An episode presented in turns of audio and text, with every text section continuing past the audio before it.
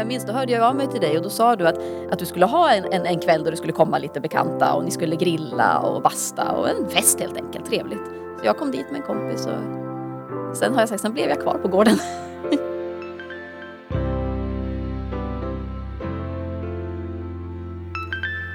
Välkomna till Härnösandspoddens decemberupplaga.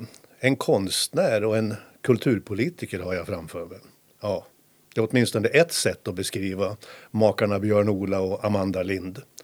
Två riktiga norrlänningar som lämnat Norrbotten och Västerbotten och flyttat till Härnösand. Två gånger till och med. Och som jag väntat. Vi har haft kontakt sedan slutet av sommaren och först nu denna vackra vinterdag den 4 december hittar vi en tid som passar. Ja, innan du ska kliva på tåget igen till Stockholm, Amanda. 12.48 tror jag det går. Ja, välkomna ska ni vara. Tack så mycket. Mm, tackar, tackar. Är, är pusslet alltid så här, Björn-Ola? Eh, ja.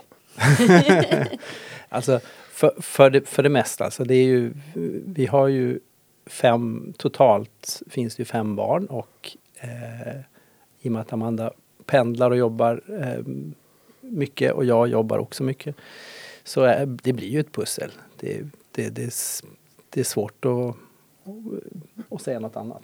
Men är det inte så också att vi är ganska ovana också att göra sådana saker tillsammans på arbetstid? Vi ser ofta till att ja, men dela upp ansvaret, dela upp dagarna, pussla så att vi ska ge varandra space att uh, göra våra grejer. Så att hitta en tid tillsammans så här, det, det var en speciell utmaning. Ja, alltså vi hade ju ett besök av Lars T Johansson och Elisabeth Johansson. Alltså, det är inte parterapi som jag vill introducera i Härnösandspodden men det känns väldigt trevligt kanske också lite jämlikt att mötas ihop och resonera om just den gemensamma vardagen och varandras vardag. Men alltså kort om den här hösten, Amanda. Alltså välj själv. Vi har ju massor att prata om sen, men varför var det så svårt att hitta er gemensamma tid? Nu måste ja. du tänka, vet du, augusti, jo. september, oktober, november, ja, nu är vi i december. Precis, jo. Nej, men I riksdagen så handlar det om att tisdag, onsdag, torsdag då är det obligatoriskt att vara i Stockholm kan man säga i princip. Om det inte är plenifria veckor då man förväntas liksom göra, göra andra saker. Eh, så det är ju ofta måndagar och fredagar man har att spela på och då blir det ju inte så många om man drar bort det något åtagande här och någon debatt där. Eh, och sen har vi också ja, haft en del, det vi har haft Miljöpartiets rikskongress också som har tagit en del tid. Eh, och jag har haft en del resor inplanerade. Och då... Ja, du har varit i Sydkorea. Det var jag också i precis. Vi åkte med kulturutskottet på en studieresa till Sydkorea. vad, tar man, vad tar man med sig hem till kalla Norden ifrån Sydkorea om man gör en kulturresa? Oh, Gud. Ja, men det var en väldigt speciell resa, väldigt intressant. Nej, men vi besökte spelutvecklingsföretag. De har ju en filmindustri som är väldigt stor, en popindustri som är stor. Och dessutom är Sydkorea en väldigt stark demokrati. Så det är väldigt intressant att åka till ett land i Asien som är så fundamentalt annorlunda på många sätt och ändå väldigt likt. Eh, ja, men det var, det var väldigt intressant. Sen hade ju också Sydkorea arrangerat vinter-OS i Pyeongchang för inte så länge sedan. Så det var ju faktiskt också en sak som vi i kulturutskottet tyckte var intressant att få höra om deras erfarenheter av vinter-OS. Då var ju fortfarande Sverige med i, i racet om OS 20, eh, 2030. Och du hade varit idrottsminister. Så är det och vi har ju också idrottsfrågorna i kulturutskottet. Men eh, tillbaka på till hemmaplan, vi börjar där. Vad är det som gör att det är rätt beslut för er att utgå från Härnösand igen? För ni har ju varit borta härifrån i Järna, söder om Stockholm. Eller? Eh, ja, nej men alltså vi, vi, vi är ju i grunden norrlänningar, så är det ju. Och när vi... Alltså för min del, när jag en gång i tiden valde att bo här så var ju det här någonstans sydgränsen för vad jag stod ut med. Eh, jag hade gått på Konstfack och flyttade upp norrut. Och båda två har ju rötterna här i, ja, i, i norra Sverige helt enkelt. Så att även om vi trivdes där nere, det var en väldigt bra period i Järna, så eh, ja, vi saknade snön och klimatet, människorna, människorna eh, språket. Eh, och sen har man, för mig är det ju väldigt mycket att jag har en speciell relation till landskap. Alltså jag, jag, jag vill gärna liksom eh, snarare bo på en plats än bo i ett hus och så. Så att eh, det är också något vi har drömt om länge att, att eh, tillsammans hitta en gemensam plats. Och då dök också en, en plats upp här nu utanför Härnösand som, som kändes riktig. Liksom. Är det ett bra kulturklimat också i Härnösand? Ja, ja. ja. För en konstnär? Det, ja, men det är det ju. Och det var ju också, det tycker jag är lite speciellt med just Härnösand. Alltså för många mindre städer som ligger lite närmare storstäder, de blir någon form av förort till storstäderna. Eh, vare sig det är Umeå eller Gävle mm. eller mm, ja, Stockholm såklart eller Malmö eller något sånt. Men, men Härnösand har dels en, en egen kulturtradition. Det är ju sen, sen gammalt. Det, det sågs ju som, som Norrlands Aten en gång i tiden. Och, och, eh, och man har liksom en egen, man har ju satsat, man har ju ofta legat på ja, topp fem på att satsa mest på kultur per capita i Härnösand. Du har ju erfarenhet av lokalpolitiken också, mm. Amanda. Känner du igen den här Björn, ja, Björn-Olas beskrivning? Jo, men Härnösand, ja, absolut. Eh, att det är väldigt rikt kulturliv och att det har en väldigt tydlig prägel, Härnösand. En stad som man verkligen älskar. Och sen också, jag menar, vi har ju vuxna barn som bor i Härnösand. Vi har släkt i norra Sverige och det är ganska långt att ta sig från, från Järna i Södertälje eh, varje gång man ska hälsa på, på släkt och bekanta. Så att det var ju eh, ja, men på många sätt självklart faktiskt att flytta tillbaka. Sen också har vi två, eh, två tonårskillar som gärna också ville gå gymnasiet i Härnösand. Det tycker jag också är väldigt fint att även, även barnen känner att, att Norrland och Härnösand känns som en väldigt fin plats att bo på. Det gör en stolt. Alltså, när, när, ni säger det här så jag drar mig till minnes, det är väldigt länge sedan, men jag gjorde ett reportage när jag jobbade med ungdomsredaktionen i P3 en gång i tiden. Men vi var i Gällivare. De hade stängt Gunilla-skolan. Det var ett arbetsmiljöproblem. Vi tänkte det kan inte vara sant. Vi får upp och det, ja, det visade sig att det var några ganska märkliga turer. Men vi träffade någon tolvåring som skulle vara ett stort problembarn. Han var med i schackklubben och lite annat. Och en, en riktigt mysig kille. Så, var är ni ifrån då? Så han. Ja, vi kommer från Sundsvall. Jaha, där nere vid Stockholm. Mm. Ja. Så lite sydgräns är nog där, Björn-Ola. Ja, men att det fortfarande ja. finns snöiga vintrar och mm. tycker jag och ett, liksom, en norrländsk anda kan man säga. Ja, så. jo. Nej, men det, det, och det, är väl, det, det ligger ju, ja, dels det här med snön. Alltså det, det var ju också förvånande med, med våra tonårsbarn. Vad som, vi har inte upplevt dem som särskilt intresserade av, av vintern när vi har bott här.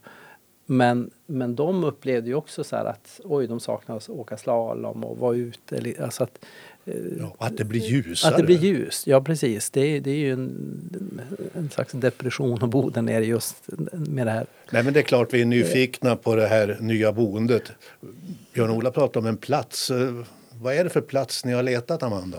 Ja men vi har haft det är ju väldigt intressant. Vi har ju sökt så många år eh, efter en plats som uppfyller vissa kriterier av, ja men inte för långt från Härnösand.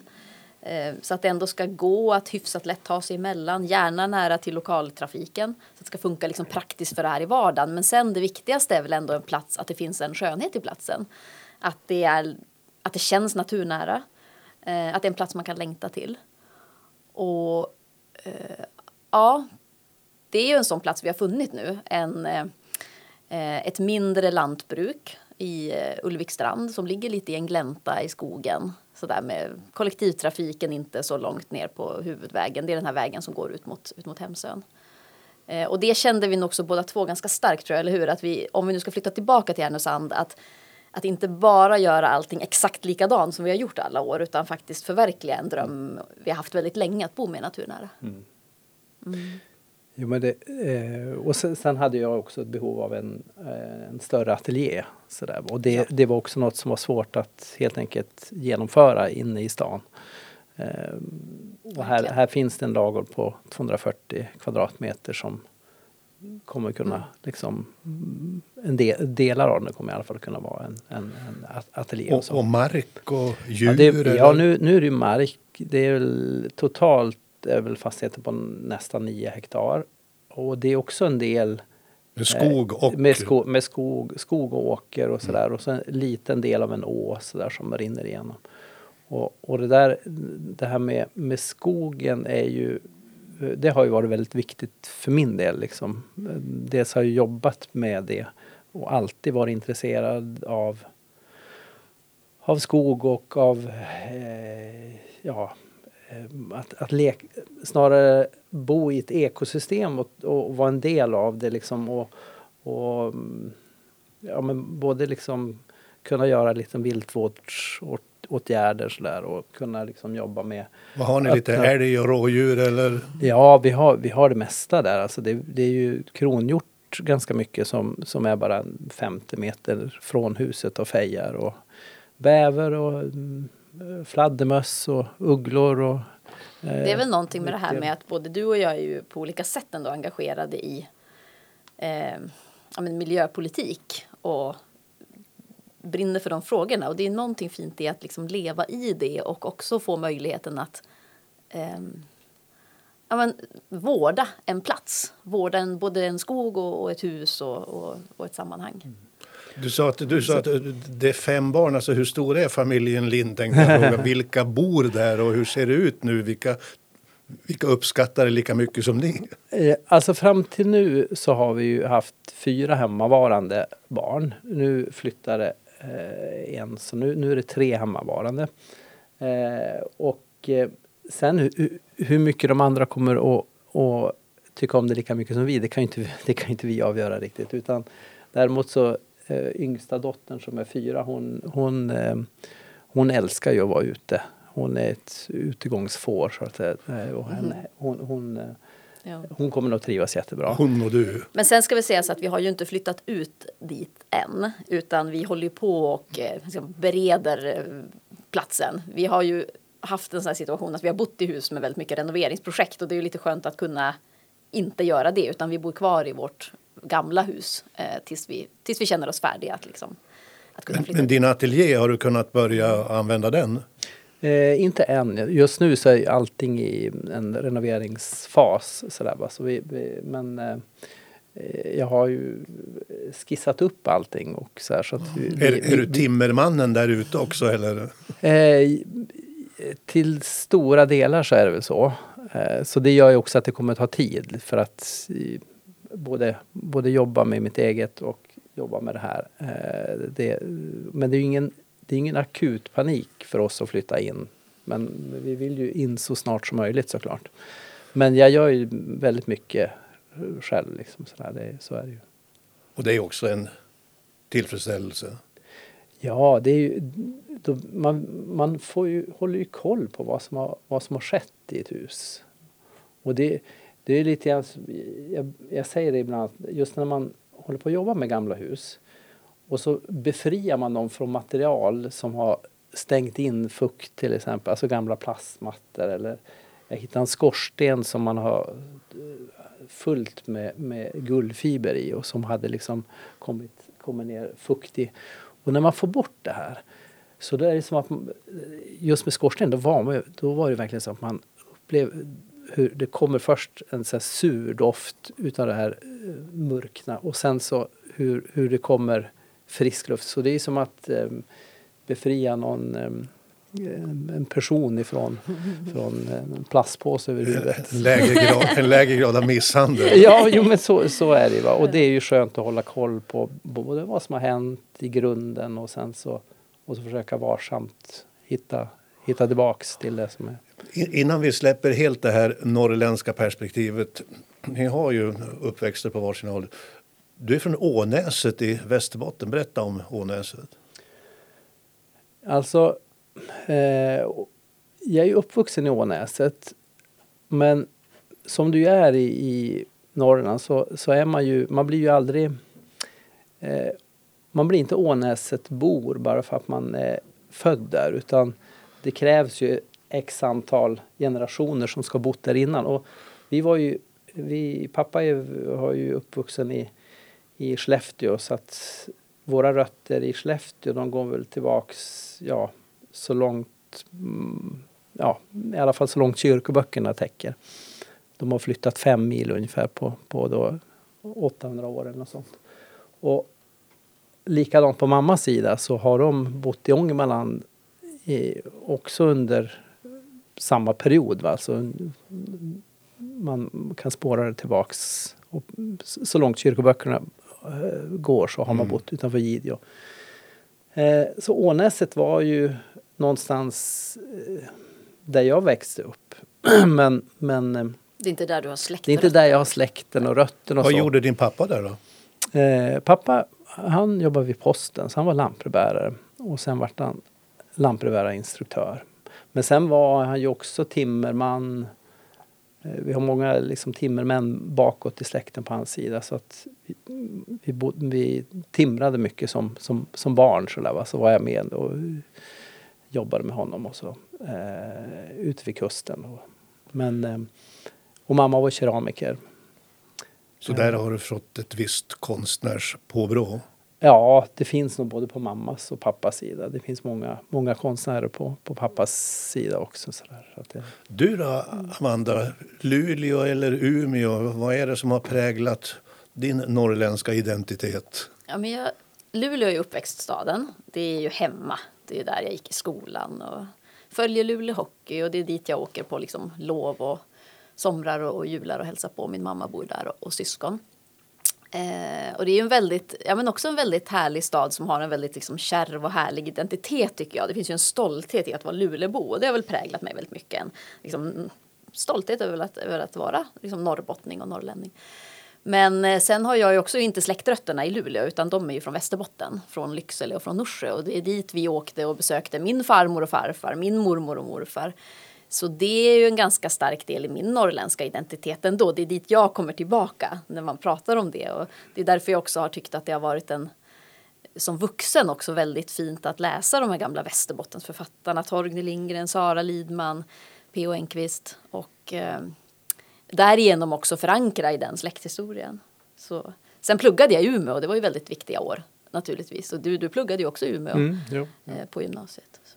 Ja, Du, du blev barn och ungdomspsykolog. ja, precis. Till och med jobbade här sen i, i Ja. regionen. Ja, jag eller hette det. väl landstinget kanske. då. Två år hann jag med eh, som yrkesverksam psykolog. Då, på. Och vad läste du då, Björn-Ola? Eh, jag gick på Konstfack och eller först läste jag etnologi på, på universitetet och sen så sen, sen gick jag på Konstfack och gjorde en, en egen kursplan så att jag var jag var jag är utbildad både smed och eh, fotograf men sen läste jag också lite på arkitektur så att jag mixade en, en, egen, en egen kursplan då. Fem snabba frågor. Didgeridoo eller trumpet? Eh, Jidaki, eh, alltså det aboriginnamnet för didgeridoo.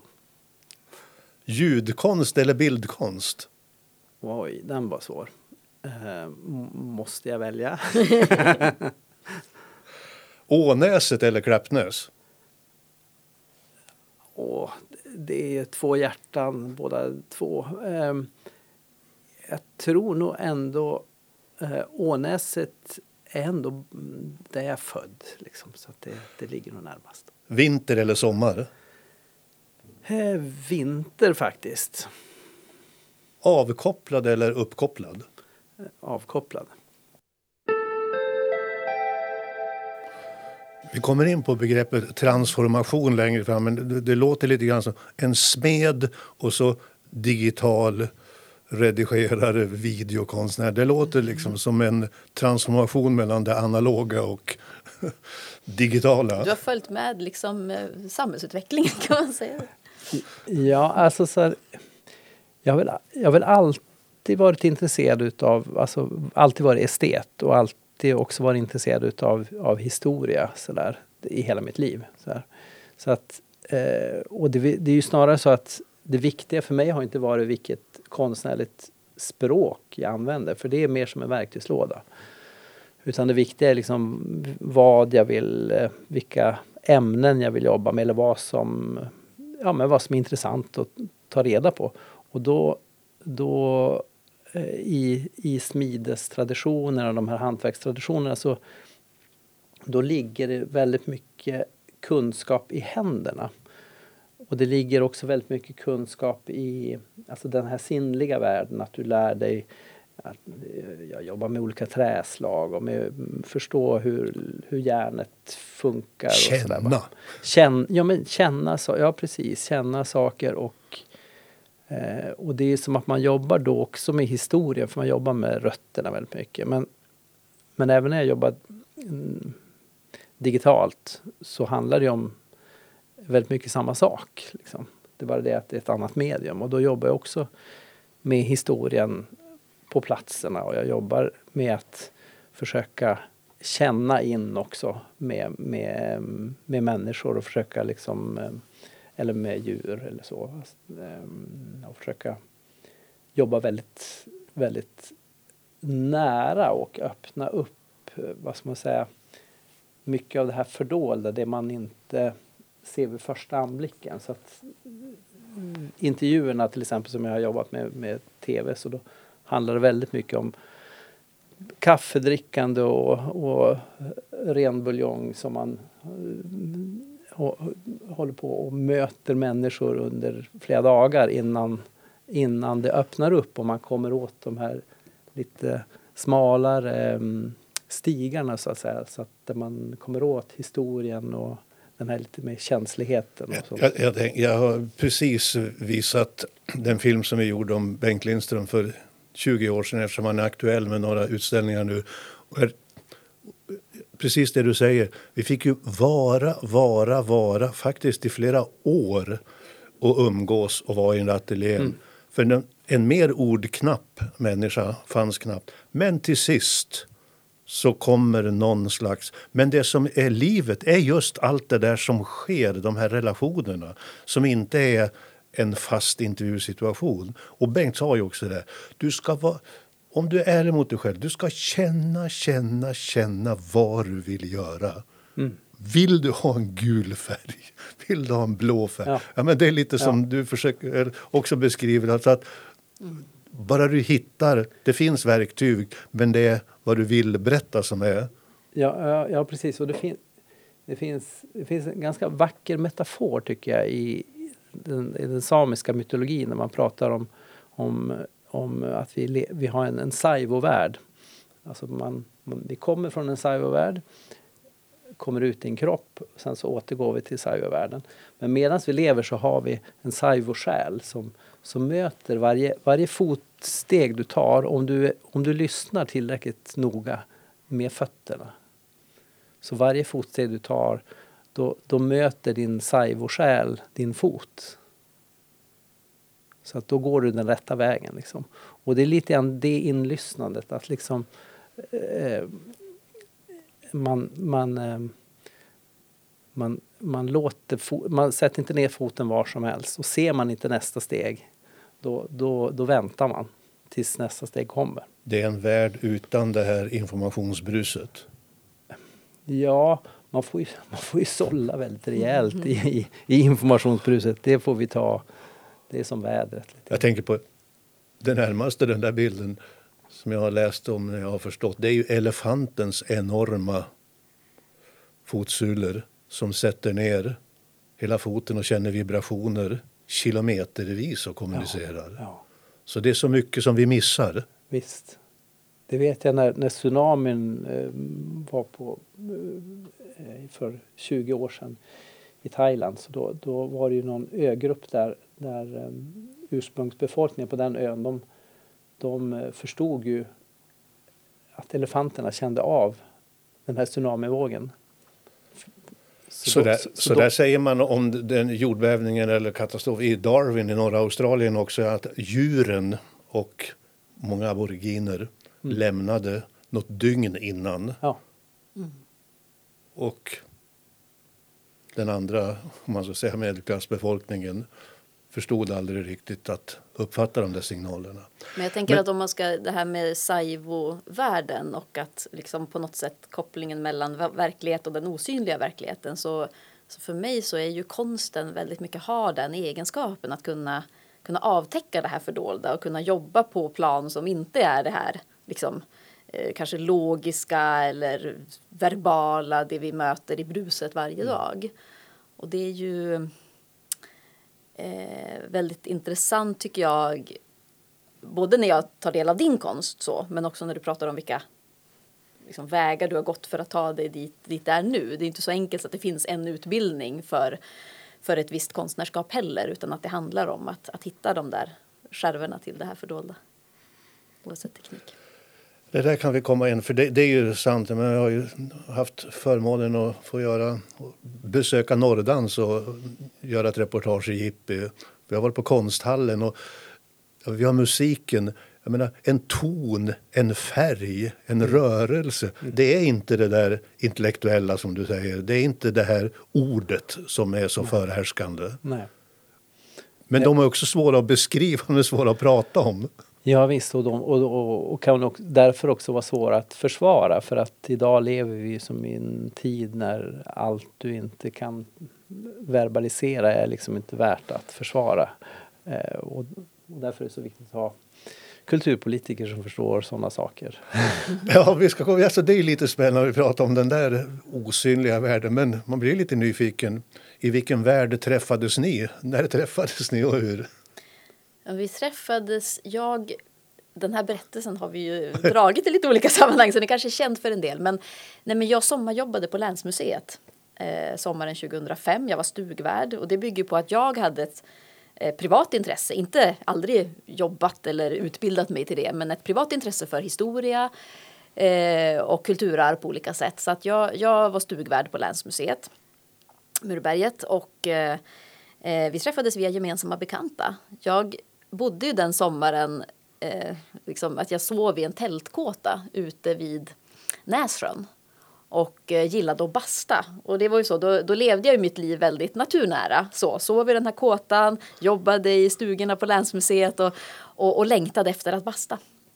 Och då var det en, en gemensam bekant till oss, då frågade jag men om man känner någon som har en, som har en bastu. Eh, och då fick jag tips om den här killen Ola som just hade byggt en vedeldad bastu och som brukar ha sån här, ja men man drar ihop lite kompisar och bekanta och, och, och så. Så då hörde jag av mig till dig. Och var hade du den bastun någonstans då? Alltså den var, den eh, var på, på gården. Så att, eh, Och jag minns, då hörde jag av mig till dig och då sa du att, att du skulle ha en, en, en kväll då det skulle komma lite bekanta och ni skulle grilla och basta och en fest helt enkelt, trevligt. Så jag kom dit med en kompis och sen har jag sagt, sen blev jag kvar på gården. Ja, så. Vad- Så. Gjorde du ingenting då?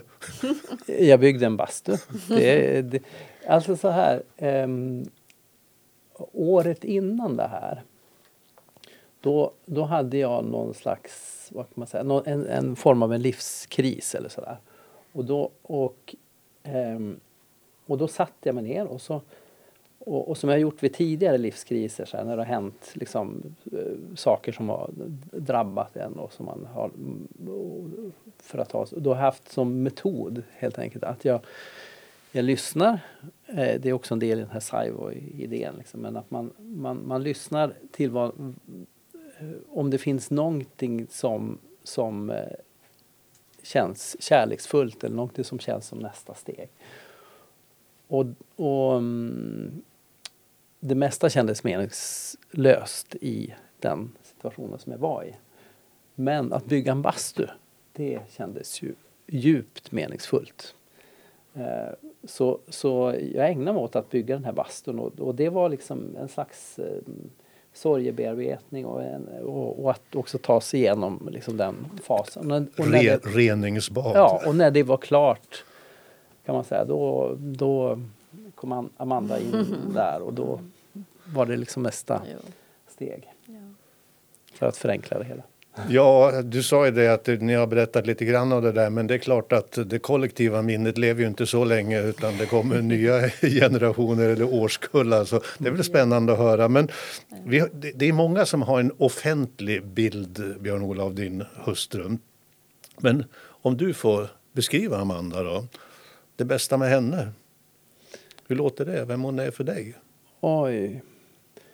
Alltså, ja men hon, hon är, jag höll på att säga allt för mig. Alltså vi, vi är, eh, jag sa det till min son så här, som är 17 år att, att jag, eh, jag trivs med allt, allt vi gör tillsammans. Alltså det, det, som, eh, jag menar, det kan vara hur enkla saker som helst, åka bil eller städa. Eller, jag menar, det, det, behöver inte vara något märkvärdigt. Och, och det att, att trivas i någons sällskap eh, där det också hela tiden, det känns aldrig um, eh, enahanda. Det är aldrig liksom på samma sätt utan det finns alltid en dynamik. Hon har ju sin egen drivkraft och jag har min egen drivkraft och sen har vi vår gemensamma drivkraft. Och det gör liksom att vi har en, vi har en dynamik tillsammans som, som jag tycker bara är helt fantastisk. Liksom. Det är ju... Går det att komplettera, Amma? ja, men det var fint. Jo, men det, vi, det är så. Vi trivs väldigt, väldigt bra ihop. Um, nej, men jag kan säga att något som jag verkligen uppskattar med, med dig och det vi har tillsammans, det är ju det här liksom pågående samtalet och att det känns som att vi kan prata om verkligen allt. Och att vi har ett här, genuint intresse av att också mötas. Och det tror jag ändå är... Ja, men det är klart, det har ju varit... Vi har ju levt ihop i många år nu, men att det har varit väldigt speciella år perioder då jag har jobbat oerhört mycket. Både pendlat till Stockholm när jag blev partisekreterare och vi hade ganska små barn. Eh, tiden som minister. Och du har också jobbat mycket periodvis med, med projekt och du har rest och att vi hela tiden har fått liksom förhålla oss till att både ge varandra utrymme men också behålla den här liksom kärnan av, eh, av det som är ett vi. Eh, och så också. fem barn. Ja. Mm. Numera. Numera, mm. precis i väldigt, med väldigt stor åldersskillnad mellan barnen också. Så att det, eh, jag tänker det har nog varit en förutsättning verkligen. Att vi har ja, men både ett genuin vilja att förstå varandra och eh, ge varandra det, eh, det spacet och få, få det här gemensamma att funka. Mm. Och såklart kärleken i, i, i, i botten i detta. Ja, det, det är ju fascinerande för vi har ju liksom aldrig, jag upplever ju inte att det är liksom strid om utrymmet sådär utan Eh, det är ju det är snarare att vi... Ehm, jag menar, om det är saker som kommer upp för dig, då försöker jag möjliggöra det. Och, och när det dyker upp saker för mig så mm. försöker du möjliggöra det. Ja. Och sen så, sen är det inte alla gånger det är möjligt. Därför att ja, tiden är begränsad helt enkelt. Ja, få till ett poddsamtal till exempel. ja. Man kan väl säga att frågan om så här fritidsintressen, det är sånt där som stryker på foten. Men så gäller ja. det ju för många naturligtvis. Barn och ja. familjen är ju det som tar mycket. Naturligtvis. Ja. Ja, nej men det är ju så. Men jag, jag vet att eh, jag mötte er någon gång i skidspåret mm. i Vemdalen. Ja. ja, men just det. Ja, ja du var ute med hunden då ja. Ja. ja. Nu finns inte den hunden längre, men jag var faktiskt ute med mm. en lånehund som jag har varje mm. måndag. Så jag, innan det här samtalet så hann jag faktiskt i 10-12 graders kyla få en timmes hundpromenad. Ja, vad härligt. Ja, men det är ju lyckosamt när man också har en del gemensamma intressen också, saker vi gärna gör tillsammans med familjen och så. Det har väl varit viktigt för oss också att hitta det. Ja, men åka slalom och besöka släkten i norra Sverige och göra den typen av ja, men upplevelser som alla kan gilla oavsett ålder. Det finns ju en podd som är kanske en av de där första som blev lite känd, Värvet. Där var du med grillades tänkte jag säga. Ja, just någon, det. någon timme drygt. Ja. Jag lyssnade lite grann. Det var ju på allvar, för jag minns att första frågan du sa, har vi, har vi börjat? För det var läget. Och då var det ju faktiskt så här att det här är ett och ett halvt år sedan. Ja. Ukraina-kriget hade just brutit ut. Och du fick frågan läget. Ja, vad svarar du på samma fråga idag? För det var ju liksom både privat och politiskt. Mm.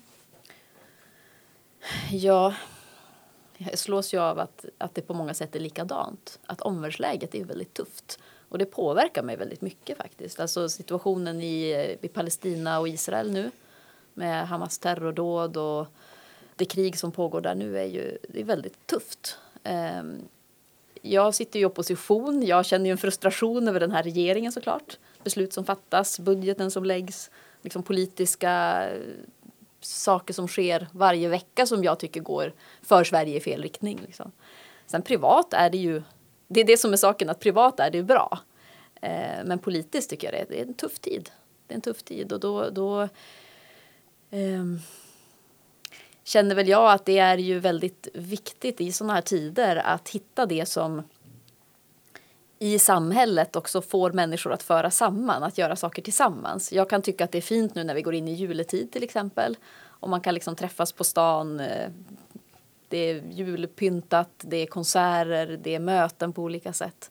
Och det är väl det som kanske också gör att jag sörjer lite nu när regeringen till exempel då, jag vet att inte, fokus är inte att ha en politisk podd nu, men att ja, men till exempel att man drar ner på anslagen till studieförbunden som ju liksom hela dess grundtanke är att se till att människor möts i hela landet. Lokaler för kultur, eh, kurser där, som ger väldigt många människor dess mening i tillvaron.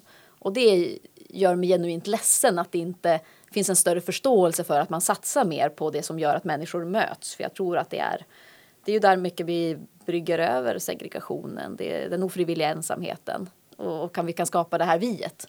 Jag är ju en väldigt stark, så att säga, alltså föreningslivet är en väldigt viktig eh, en väldigt viktig rörelse i vårt samhälle som, som vi verkligen måste slå vakt om. Ehm, mm. Ja, det var en lång fråga på ett kort svar hur läget är, men jag tror att det är ungefär där jag befinner mig nu. Eh, i, vi ska ha en budgetdebatt eh, lite senare den här veckan när vi spelar in podden i riksdagen där vi ska prata om kulturbudgeten och budgeten till föreningslivet och studieförbunden. Ja, men samma fråga till dig då, Björn-Ola, läget. Alltså, hur, hur, på- hur påverkas du av vad som händer i världen och och hur påverkas ditt eh, skapande? Alltså, för mig är det väl så att själva skapandet, det, det jobbar ju fortfarande. Alltså, jag har ju samma metod som jag jobbar med. Det är bara det att, att alltså, eh, den skiljer sig inte nu från, från tidigare. Däremot så, så, så är ju läget mer akut eh, inte bara med alla dessa liksom, krig, de här mellanmänskliga problemen utan även eh, ja, men, vad vi gör med, med planeten på alltså hur, hur situationen ser ut för vattensituationen eller mm, hur jag kan mm, titta på hur mycelet till exempel håller på och, eh, torkar ut för att vi gör för stora kalhyggen och sådana saker. Det finns alltså många Klimatförändringar. klimatförändringar såklart.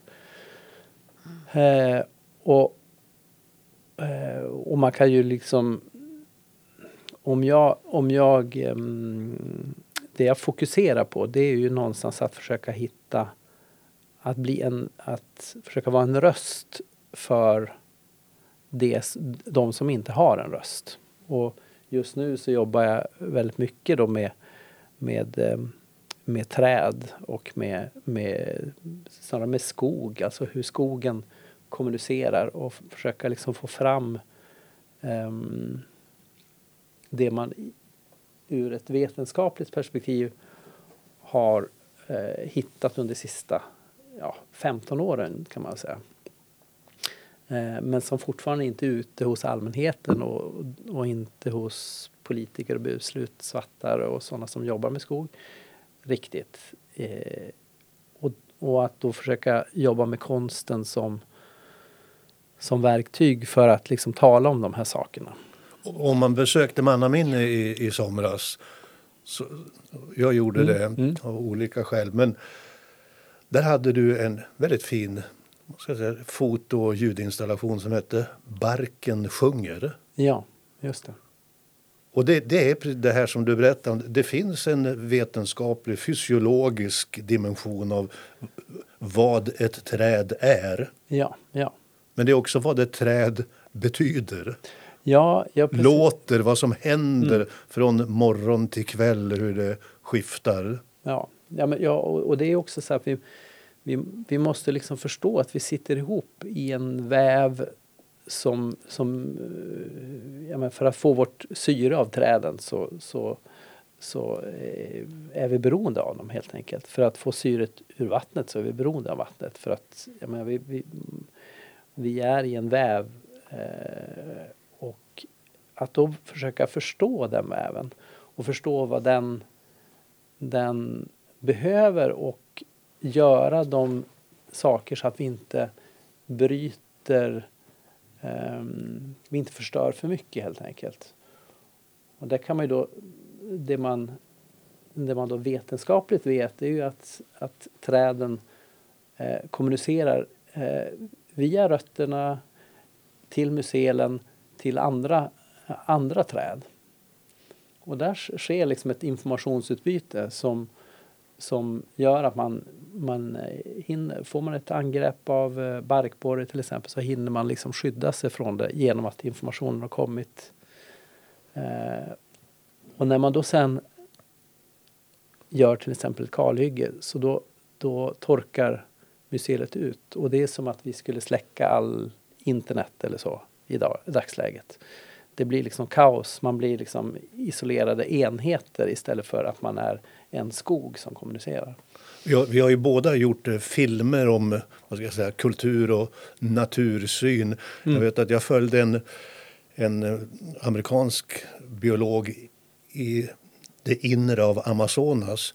Och det spännande där var just det här han berättade att nästan all forskning handlade om vad som hände liksom en meter ner i backen. Mm. De höll på och grävde sig ner 20 meter ner där det fanns liksom trådar från rötter som sög ja. upp vätska, ja. pumpade den upp genom hela stammen mm. och sen så kyls det av och så bokstavligen så producerar skogen sitt eget regn. Ja, ja. Kanske därav namnet regnskog. Och det är också något som är hotat men det är också en sån brist på förståelse. Ja precis och, och, och där är ju hyperintressant så där, för att då kan man ju också se att det här har inte heller eh, bara skett av sig själv utan här har, har, kulturen varit en del i det här. Så att man har, man har medvetet hos de urfolk som har bott där tidigare skapat de här kollagren som gör att det här också är möjligt att bli till. Och det är ju också, vad ska man säga, människans roll i ett sånt där ekosystem. Det kan ju vara att bygga upp istället för att förstöra. Ofta så i vår kultur så, så ser vi människans eh, inverkan i naturen som någonting så destruktivt. Eh, men vi kan ju ha den, den, andra rollen av att vara uppbyggande. Och där tycker jag liksom, det, i hela mitt liv så har ju mitt fokus varit att jobba med jag har jobbat med eh, mängder av urfolk för att liksom förstå hur, hur ser deras kultur ut som bygger upp eh, vårt ekosystem istället för den kulturen jag är uppvuxen i som hela tiden eh, har framförallt liksom destruerat eh, ekosystemet. Det låter nästan som du lämnar över till Amanda som jobbar med transformation utav dagens samhälle. Alltså jag tror ju att konsten i sig kan vara transformerande. Eh, så att jag tror ju att man behöver både politik, eh, man behöver också eh, det här språket som kommunicerar direkt som jag då kan se att alltså det känslomässiga språket eller det som vi pratar om, tonen eller som bilden, hur den kan gripa an i folk. Och att jag tror att det är så att om människor känner för saker, alltså och när, du, när du älskar någonting då är du, då är du, då är du beredd att, att eh, skydda det. Men om du inte känner någonting för eh, en person eller en plats eller så, då är det mycket svårare att skydda det. Och där tror jag att konstens roll utifrån mitt perspektiv kan ju ha den funktionen av att man får upp ögonen för saker som man då kan vara beredd att försvara. Och nu har ni hittat en sån gemensam plats utanför Härnösand som ni ska vårda och skydda. ja, nej men det är ju ändå där att, att vi har ju ett engagemang för de här frågorna som får utlopp på ja, men olika sätt. Du genom konsten och, och jag genom mitt politiska engagemang. Och sen är det ju, någonstans vill man ju att ens liv ska vara en helhet också och att man, att man kan hitta utlopp även i även i att liksom, i det dagliga kunna, jag kan ju längta väldigt mycket efter det här att bara kunna stiga ut på bron och omge mig av natur. Eh, att även om vi bor i stad så är vi ju mycket ute i naturen men det kräver ju en insats att ta sig dit och det, det kan jag längta efter. Att, att inte behöva den insatsen utan att, att finnas där. Du, du nämnde det själv att du är ganska nyss hemkommen från en miljöpartikongress. Och det var ju lite utav en rysare den där omröstningen av nytt manligt språkrör. Det är Ah. nästan lite som i allsvenskan eller i fotboll. Mm. Mm. 1-0-seger. Ja, det var helt... Nej, men det var, det var oerhört speciellt. Och det var ju som, som man kunde konstatera sen att det har aldrig skett ett partiledarval med eh, sån tajt röstmarginal. 131-130 blev ju siffrorna. Och eh, det närmsta man kommer det var ju när eh, Lars Leijonborg vann mot Per Gahrton i den här eh, klassiska Folkpartiets ungdomsförbund och striden om ledarskapet där. Då det blev med en röstmarginal som Leijonborg vann. Och sen bildade Per Gahrton ett grönt parti. Ja, sen bildade han ett grönt parti. Ska man tro att det kan bli något liknande efter Ja, jag tänkte säga nej. Det, det skulle, nej, verkligen inte. Utan alltså faktiskt, jag måste säga, det var en väldigt, väldigt fin stämning på kongressen. Tvärtom vad man kanske tror att det var väldigt uppslitande, men det var väldigt, väldigt respektfull. Eh, faktiskt diskussion innan och även efteråt, alltså de som stöttade Magnus, Magnus P. Wolin och även Magnus själv naturligtvis var ju ja, men väldigt tydliga med att nu, nu har Daniel blivit språkrör, nu sluter vi självklart upp bakom honom. Slöt Och skillnaderna var ju inte jättestora. Slöt du upp bakom norrlänningen Daniel? Ja, absolut. Jo, men alltså, jag, han är jättebra politiker, Daniel. Han är, jag har stor tilltro till, eh, till honom. Och han har ju ja, men också rötterna i Luleå. Eh, så- Ja, det var det jag tänkte på. Mm. Jo. Norrlänningarna håller ihop. Det kanske kan behövas. Annars är ju blickarna riktade mot en ny industrialisering och ja, det är så många argument som används om vad som är Norrlands framtid. Hur ser du på den här transformationen av möjligheten att skapa en, en, ett hållbarare samhälle? Ja, men jag, jag ehm, och Miljöpartiet ser ju möjligheterna med detta och har ju varit en del i det genom att ja, men till exempel införa det här industriklivet, det stora investeringsprogrammet för, för att ge möjlighet till, Ehm, till industrin att, att, eh, att ställa om. Så att hela det här projektet med, man kallar det för liksom stålproduktion utan kol, stål utan kol, eh, har ju en grund i att man har tagit del av de här stöd, stödpengarna som vi har varit med och förhandlat fram. Men sen så tycker jag att hela den här diskussionen har ju blivit dels lite förenklad, som man tror att Norrlands framtid och möjligheter ligger i att de här jobben kommer. Det måste göras på ett hållbart sätt. Och här så, så menar jag att man behöver ett mycket större det behövs ett mycket större ansvarstagande från statens sida när nu de här industrierna kommer, att de här samhällena som ska ta emot de här industrierna måste ges möjlighet att växa på ett hållbart sätt. Och jag är ju jätteoroad över att det man ser nu i Skellefteå till exempel är att det är väldigt mycket arbetskraft som flygs in, eh, som hyr dyrt eh, och som sen åker därifrån. Det blir inte den här långsiktigt hållbara tillväxten av, av eh, Skelleftebor. Och på, Och, ja. och det där är ju alltså om, om det här inte bara ska bli någonting som, som, eh, som skapar en kortsiktig utveckling så behöver det finnas en plan för att kunna bygga bostäder, kunna bygga skolor, kunna bygga eh, kulturlokaler till exempel, kunna satsa på föreningslivet och kulturskolan. Så att vi skulle ju vilja se, och jag skulle vilja se ett särskilt liksom, investeringsprogram för det. Och sen har du ju hela situationen med, med järnvägen också. Så länge järnvägen är i så dåligt skick, så länge det inte finns dubbelspår, så länge det inte finns kustjärnväg, eh, då kommer ju också flyget att vara det sättet man rör sig. Nu till de verkar det vara som att det är Nato som ska rädda järnvägen. Ja, ja, men det har ju dykt upp nu. Nu är Nato ett nytt argument här för att faktiskt investera och det är klart, det är ju som miljöpartist känns det väldigt bakvänt här att vi får använda Nato som ett argument. Men, men jag kan väl känna i det här läget att, att eh, allt som gör att vi får till en bra kustjärnväg och jag har ju åkt denna järnväg så många gånger och det finns ju ingen redundans. Det är, det är så ofta man har hamnat i de här ersättningsbussarna som också dessutom är otillräckliga och att behöva åka Ja, men när du ska ta till exempel från Umeå till Luleå, det är jättesvårt. Ja.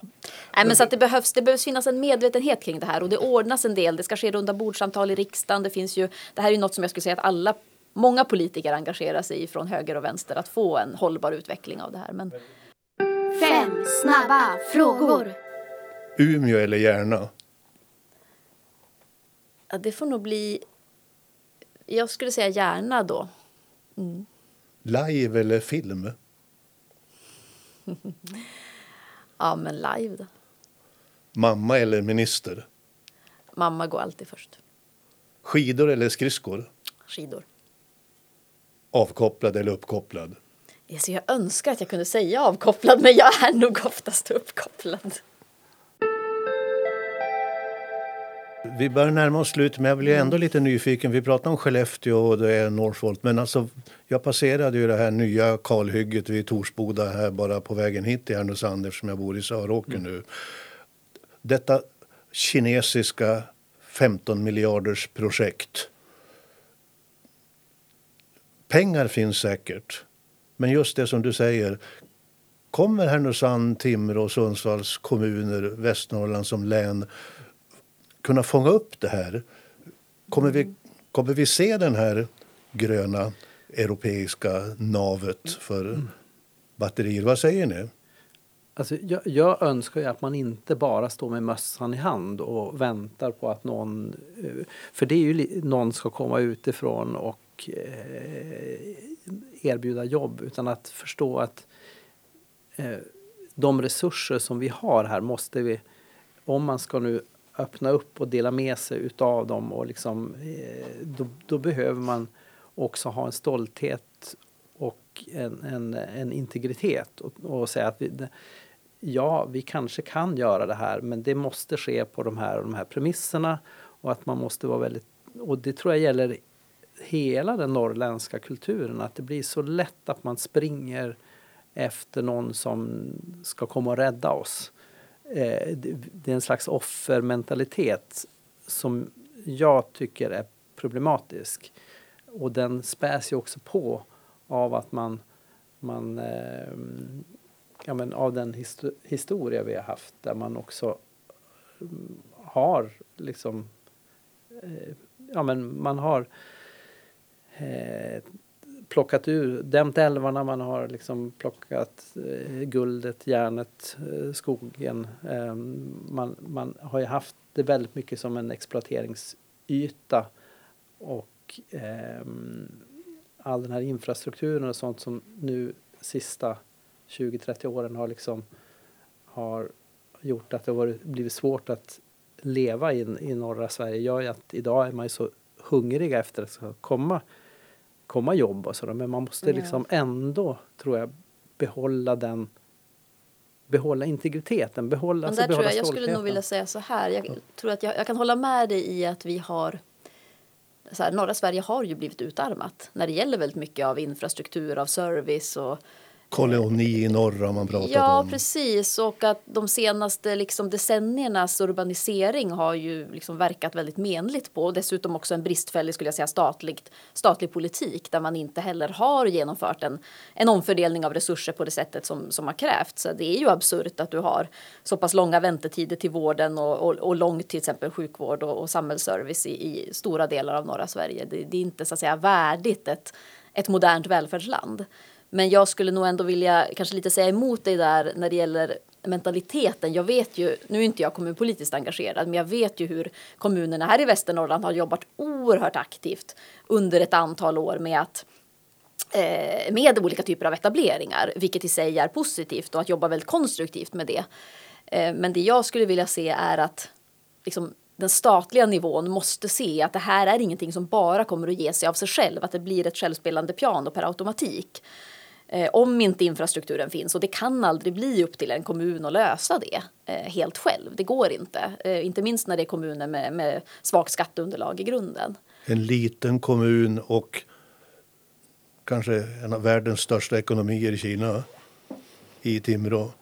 Ja, och jag kan säga jag är för dåligt, eftersom inte jag är kommunpolitiskt aktiv nu, så jag är för dåligt insatt i det här projektet som sådant. Men, Eh, men jag vet ju att kommunerna i länet jobbar oerhört aktivt med att få till, få till den här typen av investeringar på ett klokt sätt. Men sen, sen kan jag bli, eftersom jag rör mig ju i riksdagen nu och på den nivån, beklämd över hur hur lite ändå relativt sett engagemang det finns från regeringens sida i de här stora nya etableringarna i norra Sverige. Och, man pratar ju om ett eh, vad heter, grönt nav för eh, elektrifiering eller batteriproduktion. Just nu så pågår ett nytt globalt klimatmöte i Dubai. med en ordförande som är chef för ett stort oljebolag som bara så sent som igår sa att det finns inga vetenskapliga bevis för fossil Ja. energins påverkan på klimatet. Ja, men det är naturligtvis helt absurt. Och det det är som vårt nyvalda språkrör Daniel Heldén också sa i en intervju. Att det är som att du skulle sätta ett v, en vd för ett, ett, en global tobaksjätte till exempel. Och leda ett möte som handlar om att minska, eh, minska cigarettrökningen.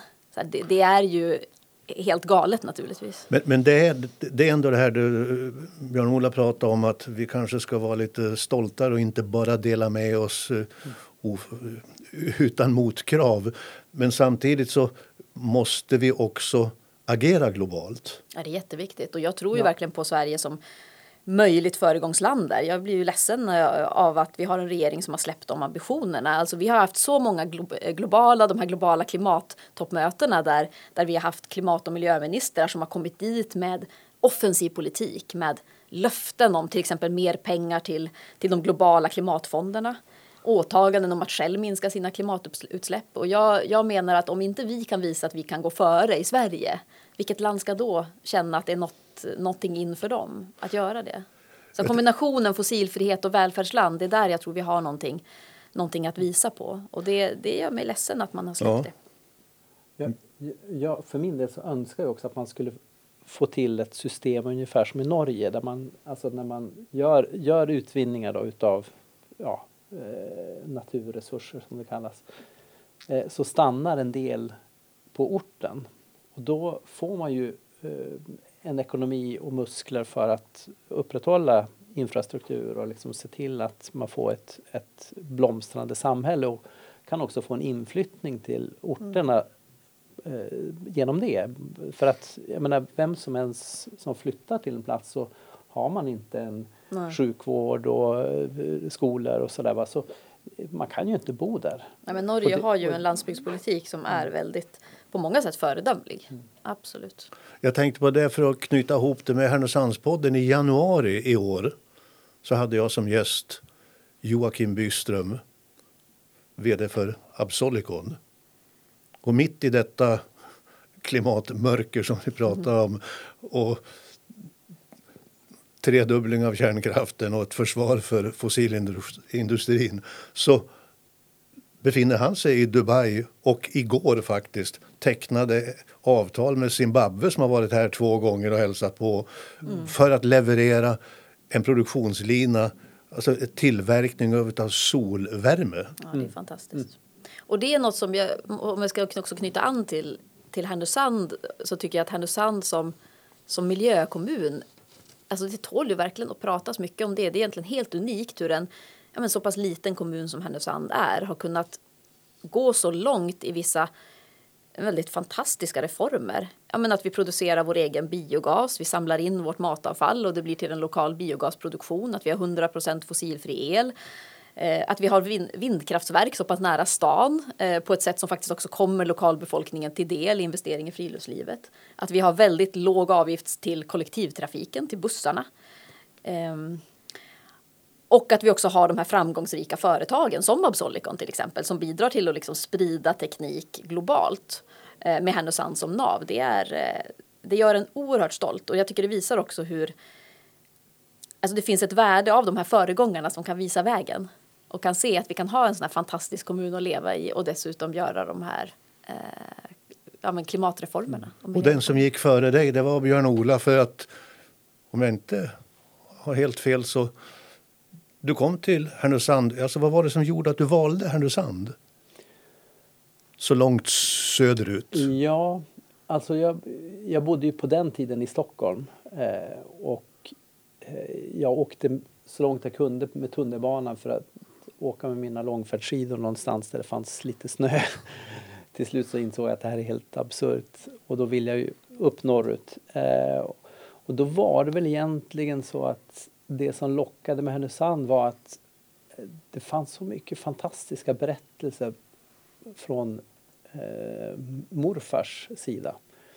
Så morfar rörde sig väldigt mycket upp i, både uppe i Fatmomacke och men sen eh, han var rallare och ett tag och, och, och eh, mycket av de här historierna var så mustiga och landskapet, det här kuperade landskapet istället för flatlandet som, som, som eh, Västerbottens kustland kallas av inlandsborna eh, har ju inte de, ja, de fjällliknande naturen som, som, som finns här. Va? Så det, det kändes som att flytta upp till Härnösandstrakten var att komma in i det här landskapet som var både lite mytologiserat av, av eh, mammas och morfars berättelser och att det var just det här vackra, storslagna. Och då kom du till, Ja, då kom jag till, till eh, Lindomsböle.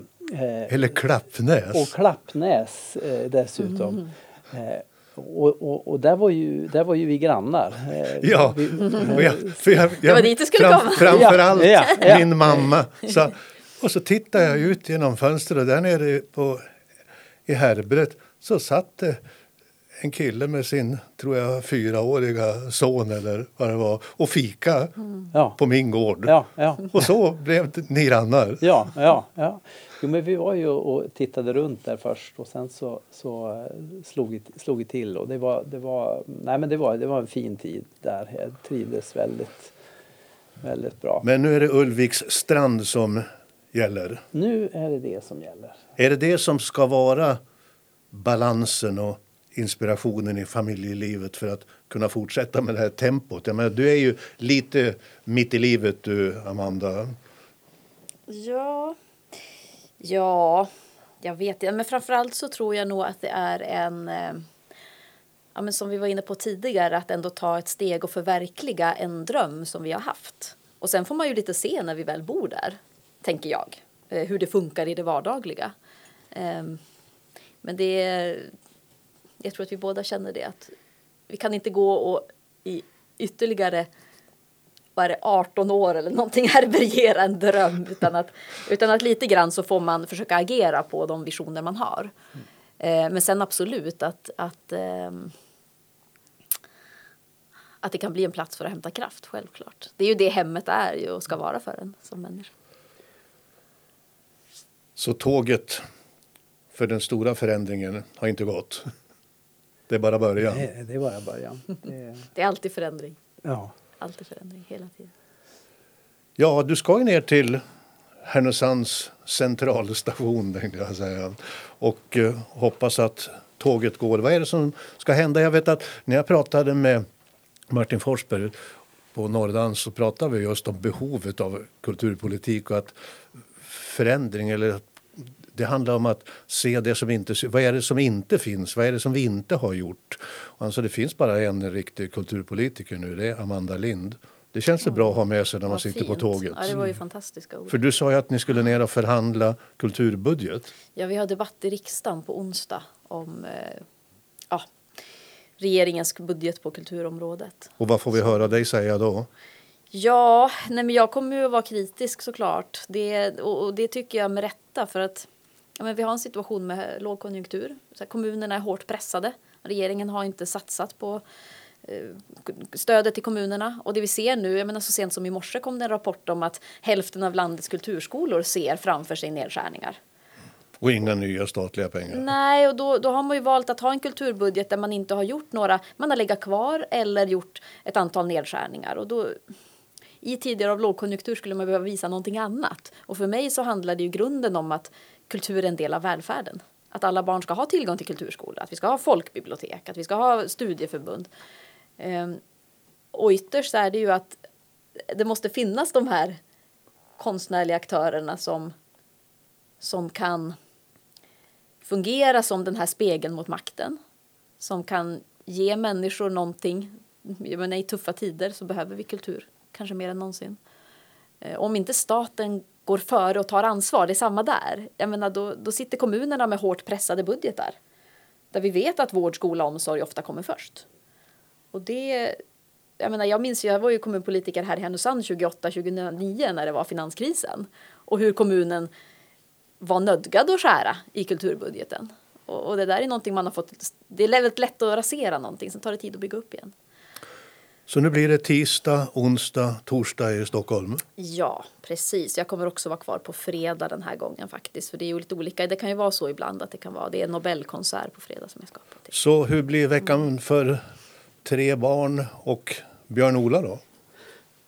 Ja, jag kommer... Eh, dels håller vi på att jobba med en, en, eh, en skiva. En, så att jag kommer att sitta och redigera det. Jag behöver jobba lite grann med hemsidan. Eh, vi håller, imorgon ska jag också jobba med en, vi håller på att jobba med en bok som handlar om Norra Orienten som, som är en konstnärsgrupp här i, i Västernorrland som jag har jobbat med. Eh, så det kommer vara en del. Sen så kommer jag väl också se om jag får någon tid att vara ute och jobba ute vid huset och sen är det fullt med barnruljans med allt vad läxläsning och hämtning och lämning och mat och sådär. Så en alldeles vanlig vecka för båda två. Ja. Tack för att ni ville dela med er av er, jag ska inte säga knappa tid, men av att ni tog er tid. Ja, Tack. men det var jättefint. Tack för samtalet. Du har nu lyssnat på Härnösandspodden. Intervjun gjordes av Dag Jonsson. Ljudtekniker och producent var Martin Sundqvist på Alltid Marknadsbyrå. Musiken är gjord av Joel Nyberg på Lejonbröder. Fler avsnitt hittar du på www.harnosandspodden.se. Vem vill du lyssna på? Tipsa oss på info at harnosandspodden.se